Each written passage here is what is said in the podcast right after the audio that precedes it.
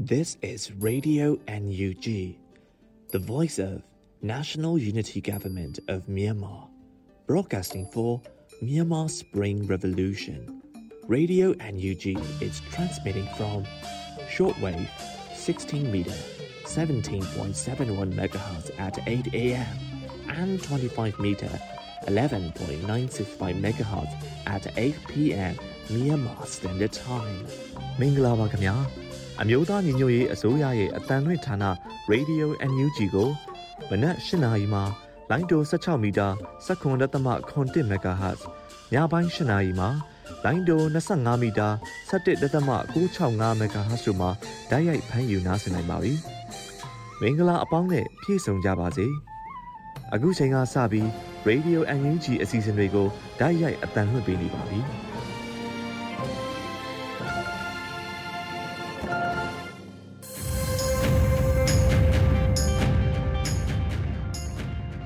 မြန်မာနိုင်ငံသူနိုင်ငံသားအပေါင်းတဘာဝပြီးစစ်အာဏာရှင်ဘေးတို့ကနေကင်းဝေးပြီးကိုစိတ်နှပါကျမ်းမာလုံခြုံကြပါစေလို့ Radio NUG အဖွဲ့သားများကဆုတောင်းမေတ္တာပို့သလိုက်ရပါတယ်ရှင်။အခုချိန်မှစပြီးကာကွယ်ဝိညာဉ်ဌာနမှထုတ်ဝေသောစစ်ရေးတရေအကျဉ်းချုပ်ကိုတင်ဆက်ပေးသွားမှာဖြစ်ပါတယ်ရှင်။ကာကွယ်ရေးဝန်ကြီးဌာနမြို့သားညီညွတ်ရေးအစိုးရမှထုတ်ဝေတဲ့နေ့စဉ်စစ်ရေးတရေအကျဉ်းချုပ်ကိုတင်ဆက်ပေးမှာဖြစ်ပါတယ်။ ကျွန်တော်ဟိန်းကိုကိုပါစစ်ကောင်စီနဲ့တိုက်ပွဲဖြစ်ပွားမှုတည်င်းများအနေနဲ့စကိုင်းတိုင်းမှာဒီဇင်ဘာ10ရက်နေ့နေ့လယ်3:15မိနစ်ခန့်ကဝက်လက်မြို့နယ်ရပြန်တောင်ပန်နီးစကိုင်းမှရွှေဘိုတို့ဦးတီလာတဲ့စစ်ကောင်စီရိတ်ခါနဲ့တပ်သားများတင်ဆောင်လာတဲ့12ဘိန်းကား2စီး6ဘိန်းကား1စီးပါတဲ့ရှင်တန်းကိုပြည်သူ့ကာကွယ်ရေးတပ်ပေါင်းစုမှမိုင်းဆွဲပြီးပြစ်ခတ်တိုက်ခတ်ရာကား3စီးလုံးမိုင်းထိခဲ့ပါတယ်ဒီဇင်ဘာ10ရက်နေ့က ဒဇယ်မြို့နယ်ကာပေါင်းကျရွာမှထွက်ခွာလာတဲ့စစ်ကောင်စီစစ်ကြောင်းကိုစီတုံးလုံးချောင်းမေတော်ကြီးနန်းနန်းတောင်ဘက်မှာဒဇယ်ပြည်သူရဲဘော်အဖွဲ့မှမိုင်းဆွဲတိုက်ခတ်ရာစစ်ကောင်စီတပ်သား6ဦးသေဆုံးပြီးထိခိုက်ဒဏ်ရာရရှိသူများပြားခဲ့ပါတယ်။ဒီဇင်ဘာ9ရက်နေ့နေ့လယ်3:15မိနစ်ခန့်ကကတာမြို့နယ်ပန်းသေးရွာမှာစစ်ကောင်စီတပ်တမခ88လက်အောက်ခံခမာယ418နဲ့ပြည်သူ့ကာကွယ်ရေးတပ်ပေါင်းစုတို့တိုက်ပွဲဖြစ်ပွားခဲ့ပြီး စစ်ကောင်စီတပ်သား9ဦးထပ်မံကြာဆုံးခဲ့ပါတယ်။ဒီဇင်ဘာ9ရက်နေ့ည8:45မိနစ်ခန့်ကစကိုင်းမှရွှေဘိုကိုသွားတဲ့စစ်ကောင်စီတပ်များလိုက်ပါလာတဲ့ကားများကိုရွာသားကြီးနဲ့လှတော်ရွာကြားမှာဒေသကာကွယ်ရေးတပ်များမှနှစ်ကြိမ်မိုင်းဆွဲတိုက်ခိုက်ခဲ့ပါတယ်။ဒီဇင်ဘာ10ရက်နေ့မနက်4:55မိနစ်ခန့်ကမုံရွာမြို့အဝင်မုတ်ဦးမှစစ်ကောင်စီစစ်ဆေးရေးဂိတ်ကို Democratic Guerrilla Force DGF မှ အလေးငိုက်ဝင်ရောက်ပြစ်ခတ်တိုက်ခတ်ရာစစ်ကောင်စီတပ်သား3ဦးထိခိုက်ဒေဆုံးခဲ့ပါတယ်။မကွေးတိုင်းမှာဒီဇင်ဘာ10ရက်နေ့မနက်9နာရီခန့်ကပေါက်မြို့နယ်မမိုကြီးကျေးရွာနဲ့ရွှေလန်းကျေးရွာကြားရှိပခုတ်ကူမင်းတက်လမ်းမကြီးပေါ်မှာပခုတ်ကူမှာထွက်လာတဲ့စစ်ကောင်စီထောက်ပို့စစ်ကားများအားပြည်သူ့ကာကွယ်ရေးတပ်ဖွဲ့ပေါက်မှာဆွဲမိုင်းနှလုံးအုံပြုတိုက်ခိုက်ခဲ့ပြီးစစ်ကောင်စီကားတစ်စီးပျက်စီးခဲ့ပါတယ်။ဒီဇင်ဘာ10ရက်နေ့ နေ့လယ်3နာရီခန့်ကစစ်ကောင်စီအင်အား40ခန့်တင်ဆောင်လာတဲ့ဖောကား2စီးအားပခုတ်ကူမြိုင်လမ်းမှာပြည်သူ့ကာကွယ်ရေးအဖွဲ့မြိုင်မှမိုင်းစစ်တလုံးနဲ့တိုက်ခတ်ရာကားတစ်စီးစိုးဝါးစွာပျက်စီးသွားခဲ့ပြီးစစ်ကောင်စီတပ်သားများဒဏ်ရာရသူများပြားခဲ့ပါတယ်။စစ်ကောင်စီကကျူးလွန်ခဲ့တဲ့ရာဇဝတ်မှုတွေကတော့စကိုင်းတိုင်းမှာဒီဇင်ဘာ9ရက်ညပိုင်းကကမ်ဘလူမြို့နယ်စပယ်နဲ့နန္တာကျေးရွာမှာစစ်ကောင်စီတပ်များရဲ့ဖမ်းဆီးခြင်းခံရတဲ့အပြစ်မဲ့ပြည်သူ9ဦးအနက်မှ ဦးလှိုင်ဝင်းအောင် CDM ကျောင်းဆရာစစ်ကြောရေးမှာကြာဆုံးသွားခဲ့ပါတယ်။မန်လီတိုင်းမှာဒီဇင်ဘာ10ရက်နေ့မနက်9:00နာရီခန့်ကချမ်းရီတာဆန်မြို့နယ်63လမ်းလမ်း30နဲ့35လမ်းကြားမှာစစ်ကောင်စီမှလူငယ်3ဦးကိုကားနဲ့တိုက်တနက်နဲ့ပစ်ပြီးဖမ်းဆီးသွားခဲ့ပါတယ်။ဒီဇင်ဘာ9ရက်နေ့မြင်းကြံမြို့နယ်လေးပင်တန်းကျေးရွာမှာပြူစောတိနဲ့၎င်းတို့ရဲ့ဇနီးတို့မှလေးပင်နှန်းကြီးရွာသားအချို့ကိုအဖမ်းမခံလိုပါကငွေပေးရမယ်လို့လာညှိပြီး ချင်းချောက်တောင်းခံခဲ့ပါတယ်။ဒီဇင်ဘာ9ရက်နေ့ည9:00နာရီခွဲခန့်ကနထိုးကြီးမြို့နယ်လက်ဝဲမြင်းနီအနောက်ပိုင်းနဲ့ရွာတစ်ကြီးရွာများကိုစစ်ကောင်စီတပ်သားများဝင်ရောက်လာပြီးလက်ဝဲကြီးရွာဥအောင်ကြီးနေမှရွှေတဲ့ပစ္စည်း Honda Click 125ဆိုင်ကယ်တစ်စီးဝေသား300ခန့်ကိုနွေမောင်မောင်အိမ်မှ Scoopy ဆိုင်ကယ်တစ်စီးကိုစော်မင်းအိမ်မှစကူပီဆိုင်ကယ်တစ်စီးကိုဘိုးတော်အိမ်မှစံအိမ်များ ကိုရမိုးအောင်အိမ်မှစံနှစ်အိမ်ကိုတော်အိမ်မှစီသုံးဖို့အပိကောင်များပုံရိပ်ကြီးနဲ့စားစရာများကိုအတင်းအဓမ္မယူဆောင်သွားခဲ့ပါတယ်။တခြားဒေသခံနေနှလုံးမှရေခဲတက်တာ TV နဲ့အခြားသောအသုံးဆောင်ပစ္စည်းများကိုဖျက်ဆီးသွားခဲ့ပြီးကိုထွန်းနိုင်အိမ်ကိုမိရှုဖျက်ဆီးမယ်လို့ချင်းချောက်ခဲ့ပါတယ်။မကွေးတိုင်းမှာဒီဇင်ဘာ9ရက်နေ့ညပိုင်းကငဖဲမြို့နယ်ပတန်းရွာစစ်ကောင်စီစစ်စေးရေးဂိတ်မှာကိုမျိုးဝင်းနဲ့ကိုကျော်သူစိုးတို့ဟာ စစ်ကောင်စီမှဖမ်းဆီးခဲ့ပါတယ်။ရန်ကုန်တိုင်းမှာဒီဇင်ဘာ10ရက်နေ့ရန်ကုန်မြို့ကြီးမြင့်တဲ့တစ်ဖက်ကမ်းမှာစစ်ကောင်စီများမှတနက်ပြချင်းချောက်ကမီတာကာများအတင်းဆောင်ခိုင်းနေပြီးမပေးလျင်ပြစ်တက်မယ်လို့ချင်းချောက်ခဲ့ပါတယ်။တနင်္သာရီတိုင်းမှာဒီဇင်ဘာ9ရက်နေ့ည9:00နာရီခန့်ကပေါ်တောင်းမြို့ဘရောက်ရွှေဝါရက်ကွက်ရွှေမင်းဝင်ဗဟိုလမ်းမှာနေထိုင်တဲ့ CDM ဆီယာမဖြစ်သူနဲ့၎င်းရဲ့အမျိုးသားဖြစ်သူကိုစစ်ကောင်စီများကလာရောက်ဖမ်းဆီးခေါ်ဆောင်သွားခဲ့ပါတယ်။ ဟုတ်ကဲ့ပါ။အခုသတင်းများကိုမြေပြင်သတင်းတာဝန်ခံများနဲ့သတင်းဌာနများမှဖော်ပြလာတဲ့အချက်အလက်များပေါ်အခြေခံပြီးပြုစုထားတာဖြစ်ပါတယ်ခင်ဗျာ။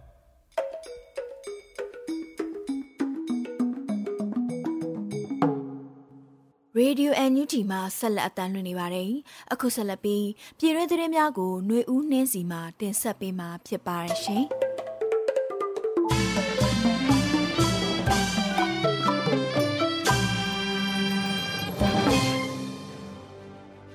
အခုချိန်ကစပြီးနောက်ဆုံးရပြည်တွင်းသတင်းများကိုဖတ်ကြားပါတော့မယ်။ဤသတင်းများကို Radio UNG သတင်းတာဝန်ခံများနဲ့ခိုင်လုံသောမိဖက်သတင်းရင်းမြစ်များစီမှအခြေခံတင်ပြထားခြင်းဖြစ်ပါတယ်ရှင်။မန္တလေးတိုင်းဝန်ကြီးချုပ်ဒေါက်တာဇော်မြင့်မောင်ကိုအကြံဖတ်အာဏာသိမ်းစစ်ကောင်စီမှမတရားဆွဲချက်တင်ပြီးထောင်ဒဏ်၄နှစ်သတ်မှတ်လိုက်ပါတယ်။ အာဏာသိမ်းပြီးနောက်မှာပဲဖမ်းဆီးခံရပြီးထောင်တွင်းတရားရုံးမှာအမှုတွေကိုရင်ဆိုင်နေရတဲ့ရွေးကောက်ခံအစိုးရရဲ့မန္တလေးတိုင်းဝန်ကြီးချုပ်ဒေါက်တာဇော်မြင့်မောင်အပေါ်ဆွဲဆိုထားတဲ့အမှုများအနက်နှစ်မှုကိုအခုလိုထောင်ဒဏ်၄နှစ်ချရမယ်လို့အစ်စ်အုပ်စုဘက်ကဆုံးဖြတ်လိုက်တာပါ။တဘာဝဘေးစီမံဥပဒေပါပုံမှန် 25မြင်းဆောင်30ကကြီးအမှုအတွက်အိုးကိုထောင်တဲ့ကအထူးတရားရုံးကနေနှစ်နှစ်အမိတ်ချတာလို့သိရပြီးရာဇသက်ကြီးပုံမှာ905ခါခွေအမှုအတွက်အမြင့်ဆုံးပြစ်ဒဏ်အဖြစ်နောက်ထပ်နှစ်နှစ်ကိုလည်းမန္တလေးတိုင်းဝန်ကြီးချုပ်ကိုထောင်ဒဏ်ကြခံစေတာဖြစ်ပါတယ်။တဘာဘေးစီမံအမှုအတွက်ထောင်ဒဏ်နှစ်နှစ်မှာချုပ်ရက်တွေကိုခန်းစားခွင့်ပြုတယ်လို့လည်းဖော်ပြပါရှိပါတယ်။ ပုံမှန်905ခါခွေအမှုအတွက်ကတော့အမြင့်ဆုံးဖြစ်တဲ့အဖြစ်ထောင်တဲ့နှစ်နှစ်ချမှတ်ခံရပေမဲ့လည်းချုပ်ရက်တွေကိုခန်းစားခွင့်မပေးထားပါဘူး။တဘာဝဘေးအမှုထောင်တဲ့နှစ်နှစ်ပြည့်မှရေတွက်ရမယ်လို့လည်းသိရပါတယ်။တဘာဝဘေးစီမံအမှုဟုဆိုရမှာဝန်ကြီးချုပ်ဟာကိုဗစ်ကာလအတွင်းပညာပေးစီမံချက်ကိုကျုံနေပေးမှပြုလုပ်ခဲ့ခြင်းအတွက်လူစုလူဝေးဖြစ်စေတဲ့ဆွဲချက်ကိုအကြောင်းပြခဲ့ကြပါတယ်။ ဒီဇင်ဘာလ6ရက်နေ့ကလည်းနိုင်ငံတော်၏အတိုင်ပင်ခံပုဂ္ဂိုလ်ပါဝင်နိုင်ငံတော်သမ္မတနဲ့နေပြည်တော်ကမြို့တော်ဝန်ဒေါက်တာမျိုးအောင်တို့ကို NLD ဗဟိုအလုပ်အမှုဆောင်အဖွဲ့ကထုတ်ပြန်တဲ့ကြေညာချက်နှစ်ဆောင်ကိုအကြောင်းပြုပြီးထောင်နဲ့နှစ်နှစ်စီသတ်မှတ်ခဲ့ကြပါသေးတယ်။ နိုင်ငံအဝန်းမှာရှိတဲ့ NLD ပါတီဝင်များကိုအကြံပေးစစ်တပ်ကဖမ်းဆီးထားတဲ့အရေးအတွက်ကနိုဝင်ဘာလအထိ983ဦးအထိရှိခဲ့ပြီးအချွတ်ပြန်လှုပ်ခဲ့ပေမဲ့လည်း432ဦးဖမ်းခံထားရဆဲဖြစ်ပါတယ်။နေအိမ်ချိတ်ပိတ်ခံထားရသူပေါင်း58ယောက်ရှိပြီးပါတီရုံးများဖောက်ခွဲခြင်းဖျက်ဆီးခြင်းခံရသည့်အကြိမ်အရေးအတွက် 85ကြိမ်ရှိခဲ့ပြီးအခုဆိုရင်နိုင်ငံတော်ခေါင်းဆောင်များအပေါ်အမှုပေါင်းများစွာဆွဲဆိုလျက်အထောင်ဒဏ်များတမှုပြီးတမှုချမှတ်နေတာဖြစ်ကြောင်းပါရှင်။ပြည်သူ့အစိုးရလက်ထက်တယန်စာတမ်းနဲ့ပတ်ဝန်းကျင်ထိန်းသိမ်းရေးဝန်ကြီးဦးအောင်ဝင်းကိုစစ်ကောင်စီကအပြစ်ရှာအမှုဖွင့်ပေမဲ့အပြစ်မရှိသောဆွဆွဲချက်ဖြစ်သည်ဟုတပ်တော်ဝင်တွေများကရှင်းလင်းထုတ်ဖော်ခဲ့ကြပါတယ်။ အာဏာသိမ်းစစ်ကောင်စီသည်ပြည်သူ့အစိုးရလက်ထက်မှာတာဝန်ထမ်းဆောင်ခဲ့တဲ့ခေါင်းဆောင်များကိုရှုထောင့်မျိုးစုံကအမှုဆင်ပြီးဆွဆွဲပုံမှန်တက်လျက်ရှိရာမှာတယန်စာတမ်းနဲ့ပတ်ဝန်းကျင်ထိန်းသိမ်းရေးဝန်ကြီးဦးအောင်ဝင်းကိုဒေါခင်ဂျီဖောင်ဒေးရှင်းအတွက်တစ်182တန်ရောင်းချသည်ဟုဆိုကအာဂတိမှုဖြင့်ဒီဇင်ဘာလ9ရက်နေ့ကတရားစွဲခဲ့ပါတယ်။ဒေါခင်ဂျီဖောင်ဒေးရှင်းလာရောင်တော်စီမံကိန်းတွေအသုံးပြုရန်အတွက်ကျွန်းနှစ်ပြင်ကတို 182တက်သမ3964တန်ကိုတယန်စာတာဝန်ကြီးကတင်နာခွေယူခြင်းမရှိဘဲ၎င်း၏ဆုံးဖြတ်ချက်ဖြင့်ရောင်းချခဲ့တယ်လို့အာနာသိန်းစစ်ကောင်စီ၏ဆွဆွဲချက်မှာဖော်ပြပါရှိပါတယ်။အဆိုပါဆွဆွဲချက်မှာမှန်ကန်မှုမရှိကြောင်းတယံဇာတက်နှင့်ပတ်ဝန်းကျင်ထိန်းသိမ်းရေးဝန်ကြီးသည် ကမတီဖွဲ့ကဆောင်ရွက်ခဲ့ခြင်းသာဖြစ်ကြောင်းကမတီထဲတွင်လက်ရှိစစ်ကောင်စီတန်းဆက်လက်ခစားနေသည့်ညွန့်ကျုပ်ညီညီကျော်လဲပါဝင်ပါတယ်လို့အမည်မဖော်ပြလိုတဲ့တတော်ဝင်တွေများကမဲခေါင်သတင်းဌာနကိုထုတ်ဖော်ပြောကြားလိုက်ပါတယ်။တက်ဆိုင်ရာညွှန်ကြားရေးမှူးတွေပါတယ်အခုစစ်ကောင်စီအောက်မှာလုံနေတဲ့ကောင်တွေလည်းပါတယ် EC အစည်းအဝေးမှတ်တမ်းမှတ်ရနဲ့ခွင့်ပြုပေးခဲ့ကြတယ်ဟုတက်တော်ဝင်တဲ့တူကမဲခေါင်သတင်းဌာနကိုပြောကြားသွားကြောင်းသိရပါတယ်။ NLD အစိုးရတယံဇာတဝန်ကြီးကိုအနာသိန်းစစ်ကောင်စီဘက်ကအကြဲကျုပ်ထိန်သိမ်းထားတာကြာပြီဖြစ်ပေမဲ့အမှုမဖွင့်နိုင်ခဲ့ပဲနှီးပေါင်းစုံကအပြစ်ရှာကအခုမှသာအကြောင်းပြချက်ပေးပြီးအမှုဖွင့်နိုင်ခဲ့တာဖြစ်ပါတယ်။တခုခုနဲ့ရအောင်အမှုဖွင့်မှာပဲဘလို့မှအမှုရှာမရတော့ဒီကိစ္စကိုအကြောင်းပြပြီးအမှုဖွင့်တာဖြစ်တယ်။ EC မှတ်တမ်းမှာဒေါက်ခင်ကြီးဆိုတဲ့နာမည်တွေ့လို့ကိုဖွင့်တာလို့နှိဆက်သူများကရှင်းပြပါတယ်။ အမှုစဉ်ဆွဆွဲခံရသူတယံဇာတဝန်ကြီးဦးအောင်ဝင်းဟာလက်ရှိမှာနေအိမ်အကျယ်ချုပ်ဖြစ်ကျမကြီးချို့တက်နေသူဖြစ်ပါတယ်။သူဟာဝန်ကြီးမဖြစ်ခင်တစ်တော်တက္ကသိုလ်နဲ့တစ်တော်တင်တဲ့ကျောင်းများတွင်ဆရာအဖြစ်လုပ်ကိုင်ခဲ့သူဖြစ်ပြီးလက်ရှိအာဏာသိမ်းစစ်ကောင်စီလက်အောက်တစ်တော်နဲ့တယံဇာတဝန်ထမ်းများထဲတွင်ဝန်ကြီးရဲ့တပည့်များစွာရှိနေတယ်လို့တစ်တော်အတိုင်းဝိုင်းထံမှသိရပါတယ်။ထို့အပြင် ဆွဆွအမှုဖွင့်ခံရသူဝန်ကြီးဦးအောင်ဝင်းဟာဝန်ထမ်းဘဝကလေးကပင်ရိုးသားသောကွန်ထရက်နဲ့ကြော်စောသူဖြစ်သည့်အပြင်ကျောင်းဆက်ရာဘဝမှာလည်းတပည့်များစွာရဲ့ချစ်ခင်လေးစားမှုကိုခံထားရသူဖြစ်ကြောင်းပါရှင်။တပည့်ရင်မျိုးအောင်စီမြေတရွာအနီးစစ်ကောင်စီတပ်မှရဟတ်ရှင်ဖြစ်ပစ်ခတ်ခဲ့ပြီးနှစ်ပတ်ထိခိုက်မှုရှိနိုင်တဲ့တဲ့ရင်ကိုတင်ဆက်ပေးပါမယ်။စကိုင်းတိုင်းတပရင်မြို့နယ်အနောက်ဘက်ခြမ်းရှိအောင်စီမြေကျွော်အနီးတွင်စစ်ကောင်စီတပ်မှမြေပြင်လက်နက်ကြီးများအပြင် စစ်ရဟတ်ရင်များဖြင့်ပစ်ခတ်ခဲ့ကြောင်းဒေသခံတွေစီကနေသိရပါဗျ။ဒီမနက်ပြစ်သွားတာပေါ့နော်။အကြဆုံးစီးရင်တွေကိုတော့အခုထိအတိပြုလို့မရသေးပါဘူးခင်ဗျာ။နှစ်ဖက်အထိခိုက်တော့ရှိပါတယ်လို့ဒေသခံတူကပြောပါတယ်။ဒီကနေ့ဒီဇင်ဘာလ9ရက်နေ့နနက်9နာရီဝန်းကျင်မှာစကတပင်းရင်မြို့နယ်အောင်စီမြေကျွော်တို့လက်နက်ကြီးအချက်50ထက်မနည်းပစ်ခတ်ကြောင်းနနက်9:15မိနစ်တွင်မူစစ်တပ်ကရဟတ်ရင်များအုံပြုပြီးပစ်ခတ်ခဲ့ကြောင်းသိရပါတယ်။ ဖြစ်ပွားခဲ့တဲ့တိုက်ပွဲအခြေအနေနဲ့ပတ်သက်ပြီးဒေသခံတူကအခုလိုပြောပါတယ်။တိုက်ပွဲဆိုတာထက်သူတို့ဘက်ကနေလက်နက်ကြီးနဲ့ပြည့်ရဟတ်ပြင်းနဲ့စပစ်လို့ကျွန်တော်တို့ဘက်ကနေသူတို့လမ်းကြောင်းတွေကိုထောက်ပြီးမိုင်းဆွဲတိုက်ခိုက်တာမျိုးပါလို့နှိဆက်သူတူကပြောပါတယ်။ရှင်ကဲ့သို့စစ်ကောင်စီတပ်ရဲ့ပစ်ခတ်မှုကြောင့်အောင်စီကြေးရွာပြည်သူတွေကလည်းထွက်ပြေးတိမ်းရှောင်နေရကြောင်းသိရပါတယ်။ဒါအပြင် DPY RCPDF အဖွဲ့မှသတိပေးချက်ထုတ်ပြန်ထားပါတယ်။အဆိုပါသတိပေးချက်တွင် ပြည်သူများဘေးအန္တရာယ်ကင်းရှင်းစေရန်နဲ့လူသားတိုင်းအဖြစ်အသုံးပြုခံရခြင်းမှကာကွယ်ရန်တပင်းဆိုင်ပြင်းလမ်းမိုင်းနဲ့အနောက်ဘက်ခြမ်းရှိမူးပေါင်များကိုလုံးဝအသုံးမပြုကြရန်တိုက်တွန်းထားကမိမိဒေသသို့စစ်ဘေးရှောင်များရောက်ရှိလာပါကလည်းညီရင်းမောင်နှမတပွဲကူညီဆောင်ရှောက်ကြရန်မြစ်တာရက်ခံထားကြောင်းသိရပါတယ်ရှင်။ကျမကတော့ຫນွေဦးနှင်းစီပါရှင်။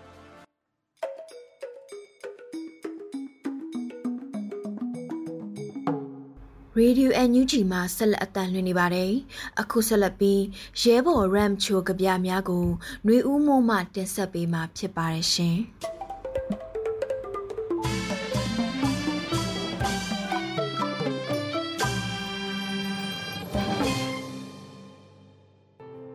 မင်္ဂလာပါရဲဘော်ရန်ချိုရဲ့ကြပြများအကြောင်းကို တင်ဆက်ပေးသွားပါမယ်။ကိုကောင်းထက်စိုးခေါ် PDF ရဲဘော်ရန်ချိုအသက် 28နှစ်ဟာຫນွေဦးတော်လှန်ရေးခုခံစစ်ပွဲအတွင်းကရင်ပြည်နယ်တနေရာတွင်ပြီးခဲ့တဲ့ဒီဇင်ဘာလ9ရက်နေ့ကကြဆုံးခဲ့ပါတယ်။သူဟာတောထဲတောင်ထဲရောက်စဉ်ကြပြားလေးတွေရေးလေးရှိပြီးကြပြားလေးသုံးပုဒ်ကိုအွန်လိုင်းစာမျက်နှာများတွင် တွေ့ရပါတယ်။ရဲဘော်ရန်ချိုကိုဂုံပြုသောအဖြစ် Radio NUG ကသူ့ရဲ့ကြပြားများကိုရုပ်ဖတ်တင်ဆက်ပေးသွားပါမယ်။မီခိုဒန်လွတ်လပ်ခြင်းကိုကြိုက်တဲ့ငှက်တွေက ပြန်တန်းနေလွတ်လပ်မှုရဲ့အရသာကိုကြိုက်တဲ့လူငယ်တွေကတော်လန်ရေးမှာပါဝင်တယ်အားလုံးတူညီတဲ့ပန်းနိုင်ကလွတ်လပ်ခြင်းကိုဖော်ဆောင်တဲ့ဒီမိုကရေစီတဘာဝတောတောင်တွေအလဲမိခိုးရောင်တိမ်တိုက်အောက်မှာစစ်ပညာကိုသင်ရင်တိုက်ပွဲဝင်မဲ့လူငယ်တွေစစ်ချီလာပြီဟဲ့အရေးတော်ပုံမုတ်ချအောင်ရမည်ရဲဘော်ရန်ချို19ရက်6လ 2021ခရီးတယ်အလွမ်းကိုစာဖွဲ့ရေးအမုန်းကိုမေ့ကဂယုနာသဘောထားအများအကျိုးပြုဖို့တွေးတော်ရှောက်တဲ့လမ်းဟာခလုတ်မထိစူးမရှိ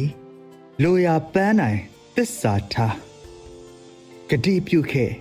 ခရီးတယ်များမဝေးတော့တဲ့ဤခရီးအဆုံးရောက်ဖို့အာတင်းရင် ရှေ့ဆက်ကြစို့ရဲဘော်များရဲဘော်ရန်ချို23ရက်6လ2021အလွမ်းအိမ်မိသားစုကိုလည်းလွမ်းတငယ်ချင်းများကိုလည်းလွမ်းမရှိတဲ့ချစ်သူကိုလည်းလွမ်းနေ့ရက်တွေကိုရည်တွက်မဝေးတော့တဲ့ဒီခရီးရောက်တော့မဲ့ပန်းနိုင်အဆုံးသက်ဖို့ရှေ့လျှောက် အလွမ်းကိုခွန်အားပြုမျော်လင့်နေတဲ့ပြည်သူရှေ့ရောက်အလွမ်းနဲ့အိမ်မှာအပြည့်အဝနားကျင်မိတယ်အမီရဲဘော်ရန်ချို23ရက်6လ2021ဟုတ်ကဲ့ပါကျွန်တော်ຫນွေဦးမိုးပါခင်ဗျာ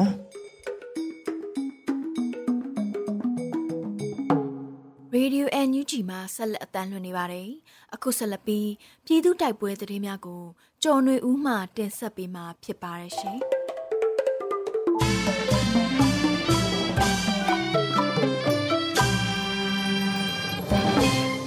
ပထမဆုံးအနေနဲ့ကရင်အမျိုးသားအစည်းအရုံး KNU တပ်မဟာ9နယ်မြေဖာပွန်ခရိုင်မှာအာဏာသိမ်းစစ်ကောင်စီတပ်ကို KNU နဲ့ပြည်သူ့ကာကွယ်ရေးတပ်ဖွဲ့ PDF တို့ပူးပေါင်းတိုက်ခိုက်ခဲ့တယ်လို့တပ်မဟာ9ကထုတ်ပြန်ခဲ့တဲ့သတင်းကိုတင်ဆက်ပါမယ်။ ဒီဇင်ဘာ6ရက်ကဖြစ်ပွားခဲ့တဲ့တိုက်ပွဲသတင်းတွေနဲ့စစ်ကောင်စီတပ်ရဲ့စစ်ရေးလှုပ်ရှားမှုသတင်းတွေကို KNU တပ်မဟာ9ကဒီဇင်ဘာ10ရက်မှာထုတ်ပြန်ခဲ့တာဖြစ်ပါတယ်။ဖာပွန်ခရိုင်မထောဒေသကနေထွက်ခွာလာတဲ့အကြမ်းဖက်စစ်ကောင်စီတပ်ခမာရ439ခွန်စစ်ကြောင်းကိုမြေနီကုန်းနဲ့ထီးကေးလိုကြားအရောက်မှာ KNU တပ်ဖွဲ့ဝင်တွေကဆွဲမိုင်းနဲ့ကြားဖြတ်တိုက်ခိုက်ခဲ့လို့စစ်ကောင်စီတပ်ဖွဲ့ဝင်တအူးသေဆုံးပြီးတအူးဒဏ်ရာရခဲ့တယ်လို့ဆိုပါတယ်။အဲ့ဒီစစ်ကြောင်းကိုပဲ KNU တပ်ဖွဲ့ဝင်တွေနဲ့ PDF တို့ပူးပေါင်းပြီးပျောက်ကြားနည်းနဲ့ဝင်ရောက်ပစ်ခတ်ရမှာစစ်ကောင်စီတပ်ဖွဲ့ဝင်၄ဦးသေဆုံးပြီး6ဦးဒဏ်ရာရခဲ့တယ်လို့ဖော်ပြထားပါတယ်။ KNU လက်အောက်ခံကရင်မျိုးသားလွတ်မြောက်ရေးတပ်မတော် KNL ဘက်ကလည်း3ဦးဒဏ်ရာရခဲ့တယ်လို့ဆိုပါတယ်။ဒီဇင်ဘာ6ရက်နေ့မှာပဲဖလက်ကိုကုဒေးဒေတာနဲ့ဝါကလီတူဒေတာတွေမှာရင်ဆိုင်တိုက်ပွဲဖြစ်ခဲ့တယ်လို့ထုတ်ပြန်ပါတယ်။အဲ့ဒီတိုက်ပွဲနှစ်ကြိမ်မှာအကြမ်းဖက်စစ်ကောင်စီတပ်ဘက်ကထိခိုက်ဒေဆုံးမှုအတိအကျမသိရပေမဲ့ တိုက်ပွဲပြီးနေရာရှင်းလင်းစဉ်စစ်ကောင်စီတပ်ကအလောင်းတလောင်းကြံခဲ့တယ်လို့ဆိုပါတယ်။ KNU တပ်မဟာ9နဲ့ဆက်ဆက်နေတဲ့တပ်မဟာနယ်မြေတွေမှာစစ်ကောင်စီတပ်ရဲ့စစ်ရေးလှုပ်ရှားမှုသတင်းတွေကိုလည်းဖော်ပြခဲ့ပါတယ်။တောင်ငူခရိုင်တပ်မဟာနှစ်ထိန်းချုပ်နယ်မြေမှာဒီဇင်ဘာ၄ရက်မှာစစ်ကောင်စီတပ်ကကား၃စီးနဲ့မြင်းလား၁၈កောင်ကိုတင်ဆောင်ပြီးဘောဂလိဘူဆာခီဘက်ကိုဥတီမောင်းနှင်သွားသလိုညောင်လေးပင်ခရိုင်တပ်မဟာ၃နယ်မြေမှာလည်းအကြမ်းဖက်စစ်ကောင်စီကဒရုန်းတွေဆေလွတ်ထောက်လန်းမှုတွေလှုပ်ဆောင်နေတယ်လို့ထုတ်ပြန်ခဲ့ပါတယ်။ တပ်မဟာ3တပ်ရင်းကိုကြောက်ကြီးမြို့နယ်မှာလည်းစစ်ကောင်စီတပ်ရင်10စီးဟာခလာရ60တန်ပိုစခန်းကိုစစ်သားတွေအပြည့်နဲ့တင်ဆောင်ရောက်ရှိလာပြီးမူတယ်ဒေတာဘက်ကိုခြေလင်းနဲ့ထွက်ခွာသွားတယ်လို့ဖော်ပြထားပါတယ်။ KNU တပ်မဟာ9ခုရှိတဲ့အထက်မှာတပ်မဟာ9နယ်မြေမှာတိုက်ပွဲဖြစ်ပွားမှုအများဆုံးဖြစ်ပြီးစစ်ကောင်စီတပ်တွေထိခိုက်ဒေဆုံးမှုတွေလည်းများပြားခဲ့ပါတယ်။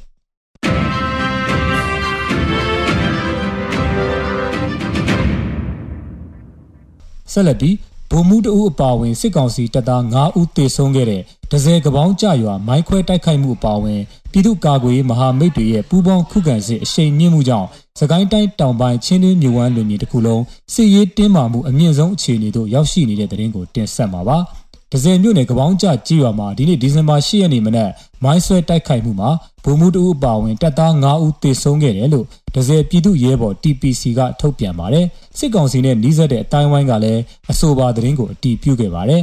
အလားတူတပ်ပင်းနဲ့ရေဦးနယ်မှာလည်းရွာတွေထဲတက်ဆွဲထားတဲ့စစ်ကောင်စီတပ်တွေနဲ့ဒေသကာကွယ်မဟာမိတ်အဖွဲ့တွေကြားအပြန်အလှန်ပစ်ခတ်မှုတွေဆက်လက်ဖြစ်ပေါ်နေပါတယ် အရတော်ထီဆောင်လန်းနဲ့အရတော်မုံရွာရွှေဘိုလမ်းမှာလည်းတိုက်ခိုက်မှုတွေအချိန်မရွေးဖြစ်ပေါ်လာနိုင်လို့ခီးသွွားပြည်သူများလမ်းအသုံးမပြုကြဖို့ဒေသကာကွယ်ရေးအဖွဲ့တွေကကြေညာထားတာပါချင်းတွင်းမြေအနောက်ဘက်ချမ်းမှာလည်းပ လဲမြို့နယ်မင်းတိုင်မြမှာရဲတအူအသက်ခံရပြီးအခြေအနေတင်းမာနေပါတယ်ပသိမ်မုံရွာလန်းကိုပြည်သူများအသုံးမပြုကြဖို့စလင်းကြီးဒေသကာကွယ်ရေးအဖွဲ့ကထုတ်ပြန်ထားပါတယ်။စကိုင်းတိုင်းအောက်ပိုင်းတခွင်လုံးဒီပါစစ်ရေးတင်းမာမှုတွေရှိနေတာမို့စစ်ကောင်စီဘက်ကအပူတပြင်းအစည်းအဝေးထိုင်ပြီးအမြန်ဖြည့်ရှင်းဖို့စ조사နေတယ်လို့နာမခနဲ့နှီးဆက်တဲ့တူကချင်းတွင်း review ကိုပြောကြားထားပါတယ်။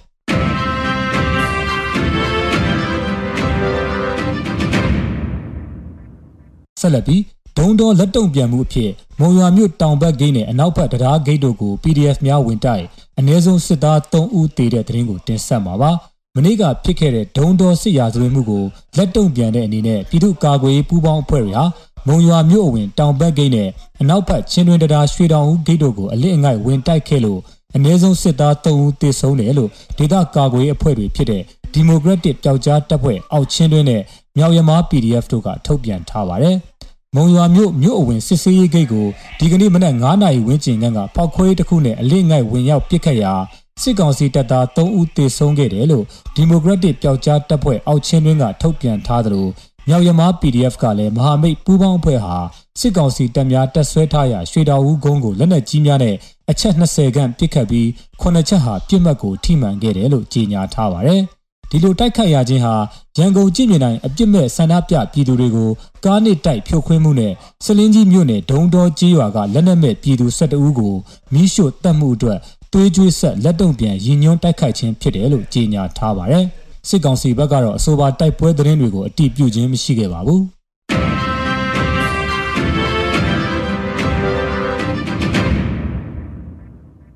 နောက်ဆုံးအနေနဲ့ အမျိုးသားညီညွတ်ရေးအစိုးရပြည်ထရေးနဲ့လူဝင်မှုကြီးကြပ်ရေးဝန်ကြီးဌာနကဒီဇင်ဘာ၈ရက်ရက်စွဲနဲ့ထုတ်ပြန်တဲ့ပြည်သူ့ခုခံတော်လှန်စစ်တရင်အချက်လက်တွေကိုတင်ဆက်ပေးသွားမှာပါ။အာဏာသိမ်းအကြမ်းဖက်စစ်အုပ်စုရဲ့ပြည်သူလူထုအပေါ်အကြမ်းဖက်ဖိနှိပ်ဖန်ဆီးတိုက်ခိုက်တပ်ဖြတ်နေမှုများကိုပြည်သူလူထုတရက်လုံးကအသက်ရှင်တန်ရေးအတွက်မိမိကိုယ်ကိုမိမိခုခံကာကွယ်ပိုင်ခွင့်အရာပြည်သူခုခံစစ် People's Defensive War ကိုဆင်နွှဲလျက်ရှိပါတယ်။ သတင်းချက်လက်များအရ9ရက်12လ2021ရက်နေ့မှာစစ်ကောင်စီတပ်ဖွဲ့ဝင်39ဦးသေဆုံးပြီးထိခိုက်ဒဏ်ရာရရှိသူ14ဦးအထိခုခံတိုက်ခိုက်နိုင်ခဲ့ပါတယ်။စစ်အာဏာရှင်စနစ်မြမမျိုးတော်ကအပြည့်တိုင်ချုပ်ငြိမ်းရေးနဲ့ Federal Democracy တိဆောက်ရေးအတွက်ငြင်းချမ်းစွာဆန္ဒပြတဲ့လူထုတပိတ်တိုက်ပွဲများကပြည်내နဲ့တိုင်းဒေသကြီးများမှာဆက်လက်ဖြစ်ပွားပေါ်ပေါက်လျက်ရှိပါတယ်။မြေပြင်မှာတော့ယခုတွေ့ရတဲ့သတင်းချက်လက်များထက်ပို၍ဖြစ်ပွားနိုင်ပါတယ်ခင်ဗျာ။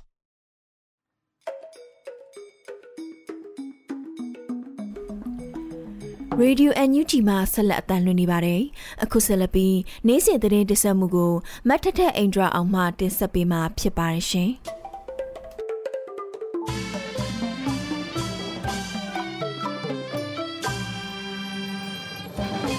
အခုပထမဆုံးအနေနဲ့အာဆီယံတက္ကသိုလ်ကျောင်းသားများတမကညီလာခံမှာဆင်အနာသိမ်းလိုက်တာကြောင့်ပြိုရင်းပျက်စီးသွားတဲ့ကျန်းမာရေးစနစ်နဲ့အန်ယူဂျီအစိုးရကဆောင်ရွက်နေတဲ့ပညာရေးစီမံချက်များကိုဆွေးနွေးခဲ့တဲ့သတင်းကိုတင်ဆက်ပေးပါမယ်။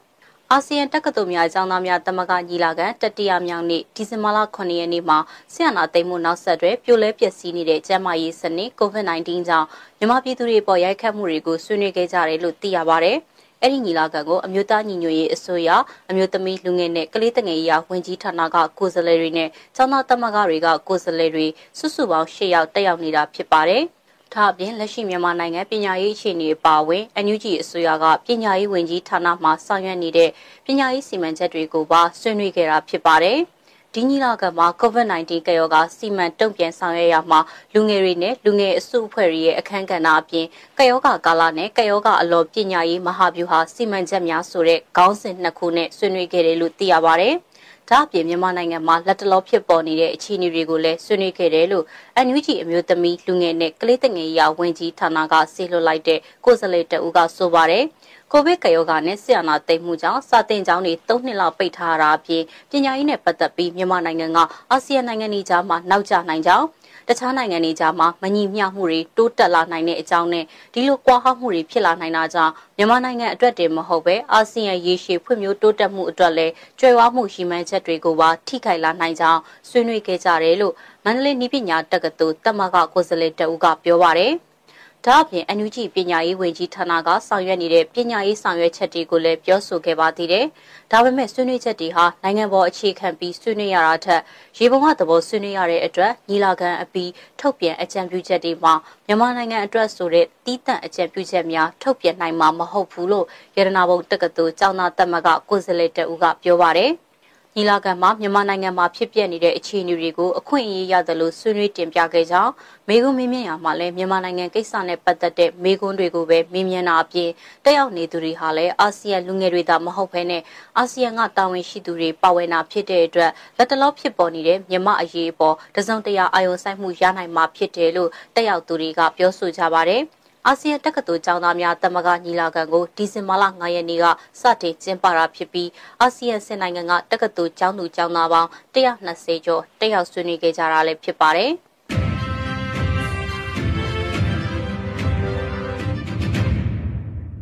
ဆက်လက်ပြီးအာနာသိန်းစစ်ကောင်စီနဲ့ဆက်ဆက်တဲ့စီးပွားရေးလုပ်ငန်း page group နဲ့အကောင့်တွေအားလုံးထပ်မံဖယ်ရှားမှုတိုးမြင့်လှုပ်ဆောင်မယ်လို့ Facebook ကုမ္ပဏီ Meta ကထုတ်ပြန်ကြေညာလိုက်တဲ့သတင်းကိုတင်ဆက်ပေးပါမယ်။ အာနာသိန်းစစ်တပ်ပိုင်းစီးပွားရေးလုပ်ငန်းတွေအပါအဝင်စစ်ကောင်စီနဲ့ဆက်ဆက်နေတဲ့လူမှုကွန်ရက်စာမျက်နှာများအုပ်စုများနဲ့အကောင့်များအားလုံးကိုထပ်မံဖယ်ရှားပိတ်ပင်တော့မှာဖြစ်တယ်လို့ Facebook ကုမ္ပဏီ Meta ကတရားဝင်ထုတ်ပြန်ကြေညာထားပါတယ်။ဒီဇင်ဘာလ9ရက်နေ့ရက်စွဲနဲ့အခုလိုထုတ်ပြန်ကြေညာခဲ့တာပါစစ်တပ်နဲ့ပတ်သက်တဲ့လူမှုကွန်ရက်စာမျက်နှာနဲ့အကောင့်တွေကိုကြေညာတဲ့နေ့ကစပြီးထပ်မံတိုးမြင့်ဖယ်ရှားရမယ့်အကြောင်းကြေညာချက်မှာထည့်သွင်းဖော်ပြထားပါတယ်။ ဖေဖော်ဝါရီလကနေစတင်ပြီးစစ်တပ်နဲ့ပတ်သက်တဲ့ page တွေကို Facebook ခေါ် Meta ကအရေးယူခဲ့တာဖြစ်ပါတယ်။လက်ရှိမြန်မာနိုင်ငံမှာဖြစ်ပေါ်နေတဲ့အကြမ်းဖက်မှုနဲ့လူအခွင့်အရေးချိုးဖောက်မှုတွေအပြင်ရမငွေထောက်ပံ့ရမှာလဲနိုင်ငံတကာအတိုက်အဝန်ရဲ့စုစည်းတင်ပြထားတဲ့အချက်လက်တွေပေါ်အခြေခံပြီးဒီလိုအရေးယူဆောင်ရွက်တာဖြစ်တယ်လို့ကြေညာချက်မှာထည့်သွင်းဖော်ပြထားပါတယ်။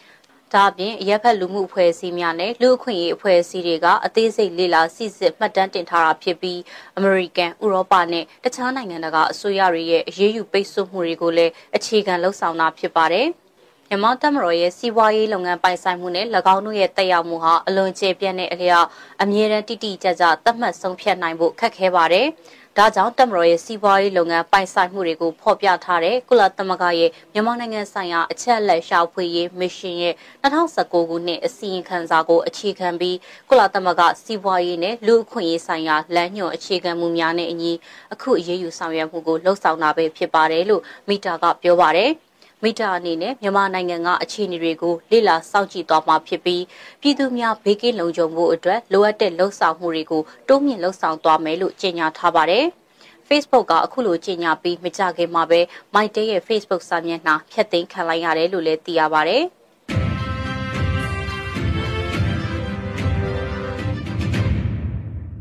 အပြည်ပြည်ဆိုင်ရာလူ့အခွင့်အရေးနေ့မှာအတန်တိတ်ကမ်ပိန်းပြုလုပ်ကြဖို့လှုံ့ဆော်ထားတဲ့သတင်းကိုဆက်လက်တင်ဆက်ပေးမှာဖြစ်ပါတယ်။ အပြည်ပြည်ဆိုင်ရာလူအခွင့်အရေးနေ့မှာအတန်တိတ်ကမ်ပိန်းပြုလုပ်ဖို့အတွက်နာမည်ကျော်ဆယ်လီတွေကစီယုံမှုတွေလှုပ်ဆောင်နေပါပြီဒီဇင်ဘာလ10ရက်နေ့မှာကြာအောင်မယ်အပြည်ပြည်ဆိုင်ရာလူအခွင့်အရေးနေ့မှာငါတို့မျိုးကိုငါတို့ပိုင်နေငါတို့ငြိမ်ချင်ငြိမ်မယ်ငါတို့လှုပ်ချင်လှုပ်မယ်ဆိုတဲ့ခေါင်းစဉ်နဲ့အတန်တိတ်ကမ်ပိန်းပြုလုပ်ကြဖို့လှုံ့ဆော်မှုတွေလုပ်နေကြတာပါ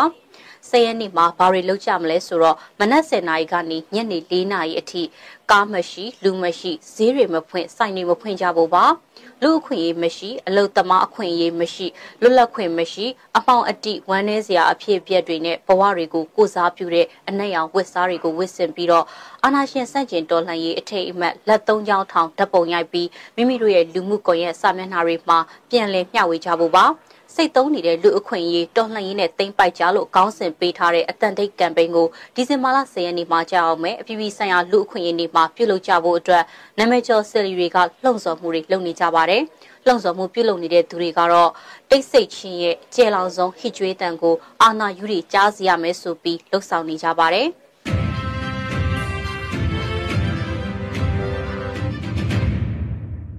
အခုနောက်ဆုံးအနေနဲ့မြန်မာနိုင်ငံတဝန်ကလူမျိုးပေါင်းစုံဘာသာပေါင်းစုံပါဝင်တဲ့ဆက်အနာရှင်အမြင့်ပြည့်ချေမုံရေးလူထုဆန္ဒပြပွဲသတင်းတွေကိုစူးစီးတင်ဆက်ပေးမှာဖြစ်ပါတယ်။ရန်ကုန်မြို့တက္ကသိုလ်ကျောင်းသားများတမကတက္ကတာများအဖွဲ့ချုပ်ရန်ကုန်ကဦးဆောင်ပြီးတော့တော်လှန်ရေးအင်အားစုတွေနဲ့အတူလုံးဝအုပ်ချုပ်ခွင့်မရစေရဆိုတဲ့တော်လှန်ရေးစာတမ်းကိုကင်ဆောင်ပြီးဆက်အနာရှင်စန့်ကျင်ရေးတပိတ်မှောက်ချီတက်ခဲ့ပါတယ်။ မန္တလေးမြို့ရတနာဘုံတက္ကသိုလ်ကျောင်းသားများတက်မကရတကတတပိတ်စစ်ကြောင်းနဲ့အတူတော်လန်ပြည်သူတွေပူးပေါင်းပြီးတော့ဆရာနာရှင်စန့်ကျင်စာရွက်တွေကိုမနခင်လူစီကားတဲ့ဈေးတနေရာမှာဖြန့်ကျဲပြီးချီတက်ဆန္ဒပြခဲ့ပါတယ်ဒီကနေ့ကတော့ဒီညနေပဲ Radio NUG ရဲ့အစီအစဉ်တွေကိုခਿੱတရနာလိုက်ပါမယ်မြမစံတော်ချိန်မနက်၈နာရီနဲ့ညနေ၈နာရီအချိန်တွေမှာပြန်လည်ဆုံတွေ့ကြပါစို့ Radio NUG ကိုမနက်၈နာရီမှာလိုင်းတို16မီတာ7.7 MHz ညပိုင်း၈နာရီမှာလိုင်းတို25မီတာ17.665 MHz တို့မှာဓာတ်ရိုက်ဖမ်းယူနားဆင်နိုင်ပါပြီ။မြန်မာနိုင်ငံသူနိုင်ငံသားများကိုစိတ်နှပြကျန်းမာချမ်းသာလို့ဘေးကင်းလုံခြုံကြပါစေလို့ Radio NUG အဖွဲ့သူအဖွဲ့သားများကဆုတောင်းလိုက်ရပါတယ်။အမျိုးသားညီညွတ်ရေးအစိုးရရဲ့စက်သွယ်ရေး တရင်အချက်အလက်နဲ့ဤပညာဝန်ကြီးဌာနကထုတ်လွှင့်နေတဲ့ Radio NUG ဖြစ်ပါတယ်။ San Francisco Bay Area အခြေစိုက်မြန်မာမိသားစုများနဲ့နိုင်ငံတကာကစေတနာရှင်များလှူအားပေးများရဲ့ Radio NUG ဖြစ်ပါတယ်။အရေးတော်ပုံအောင်ရမည်။